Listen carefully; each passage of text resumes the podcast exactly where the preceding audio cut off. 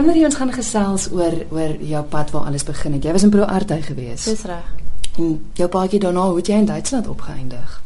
Na skool, na matriek het ek 'n jaar uh, uitruil Rotary uitruil studentjaar gedoen in Duitsland het ek in Bremen beland vir 1 jaar en ehm um, daar het ek my huidige man leer ken.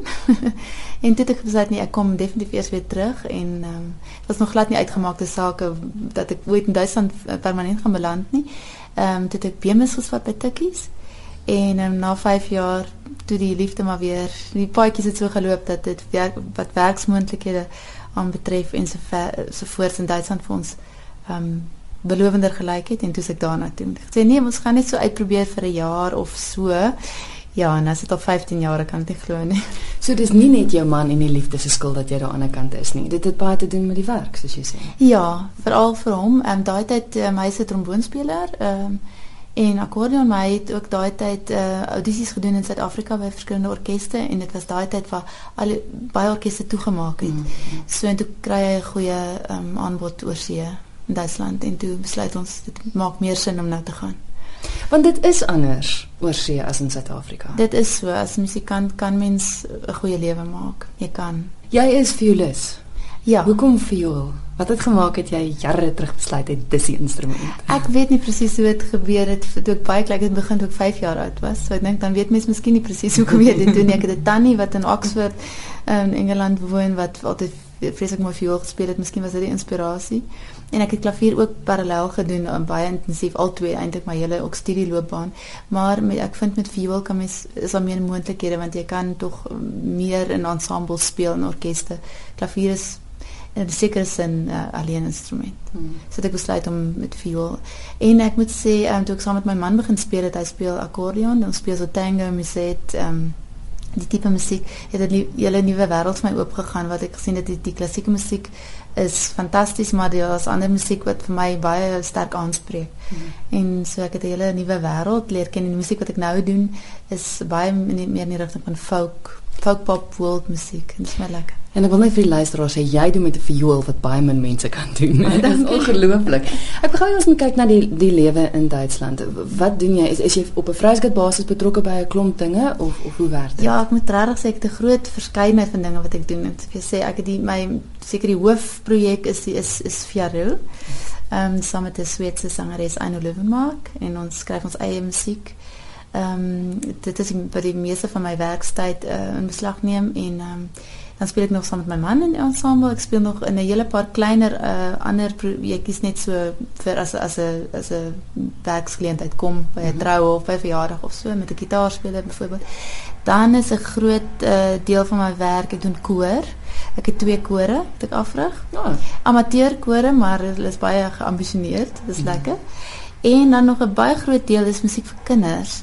Ek komponeer musiek vir kinders. Dit is 'n skool ehm um, uitgewer mm -hmm. wat wat 'n hele projek konsep geskryf het vir kinders van graad 1 tot 5 om Duits, wiskunde en algemene so soos vroeër was dit wat was die vak geweest? Ek dink dit nou alles ander name, maar mm -hmm. algemene algemene leer. Ehm mm um, te doen met musiek en beweging. Sure.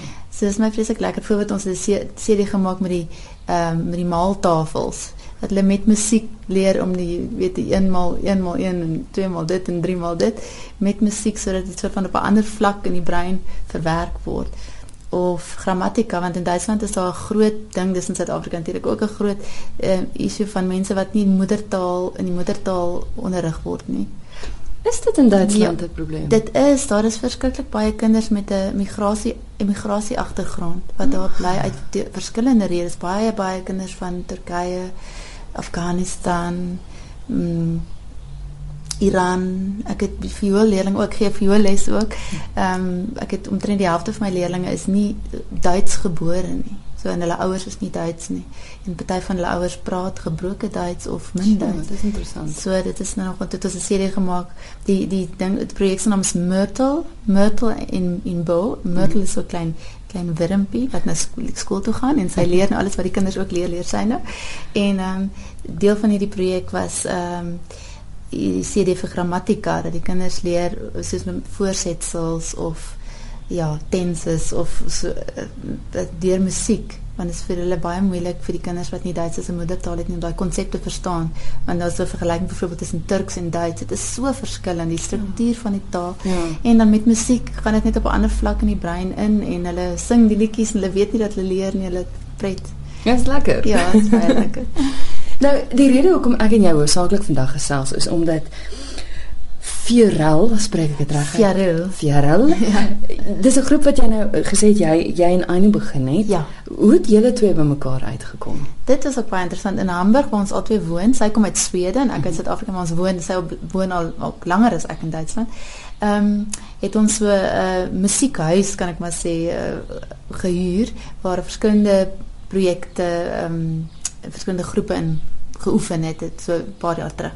En sy het eintlik saam met ehm um, Martin Tingwal. Hulle was ook al in Suid-Afrika Tingwal trio, so jazz trio. Ja. Ehm um, sy het met hom musiek gemaak. En ehm um, dit het ons mekaar nie kom bys ontmoet. op 'n koppie koffie. Ja. Begin gesels en ek het van haar musiek gehoor en ek het baie daarvan gehou want dit het vir my baie geklink soos ehm um, of daar baie ruimte is uh, vir improvisasie en ek het net baie van haar stem gehou. Mm. En ehm um, ja, toe was 'n baie snaakse storie. Ons het by ons kerk altyd 'n kerkbazaar waar ons altyd ek en my man altyd speel. En die jaar kon hy nie speel nie, hy het iets anders gedoen het. En toe sê die orgelis wat dit altyd organiseer, "Kan jy net iets anders doen nie? Ons soek 'n musiek ek net so vir by die mense by die koffie en so." En toe sê ek vir Aino, "Het jy nie lus om ons iets doen? Speel jy 'n stukke? Ek sal saam improviseer." Ja, en dit was die begin van ons wow. band. Dit gaan agterkom die mense het regtig daarvan gehou dat sy volgende jaar die CD opgeneem. Ja. En dis nou 10 jaar later. ja, en ek moet sê, hier sit nou 'n stapeltjie CD's hier langs my. Julle julle is al lank saam. Verduidelik ja. gou vir die luisteraars wat se tipe musiek is dit? Dit is nogal moeilik om in 'n in 'n laaitjie te druk en te mm. sê dit is wat dit is, maar ek gaan vir jou probeer verduidelik. Dit is hulle noem dit baie keer folk pop, world musiek. Hulle noem dit baie keer woud pop. Mm -hmm. Want sy kom uit Swede en die musiek klink baie ehm um, asof daar baie ruimte en wyd jy sien landskappe as ja, jy dit ja. hoor. As jy oop toe maak, dan dan kan jy vir innerlike beelde self vorm. Ehm um, die taal waarvan gesing word is Sweeds meestal. Ons het 'n paar Afrikaanse liedjies waar ek Rarig. Ja. Ek sing ook 'n bietjie nou in begin ek net viool gespeel, nou speel ek ook meer klavier en sing en I know it selfs twee liedjies in Afrikaans geleer. Sure. Ja. so ons het begin nou al 'n bietjie meer Afrikaans inbring. En ehm um, en die mense in Duitsland verstaan nie Sweeds of Afrikaans nie, maar dit skynbaar pla dit hulle nie want ehm um, hulle sê dit is 'n bietjie vakansie vir die kop. Maar dit sommer die musiek so mooi is.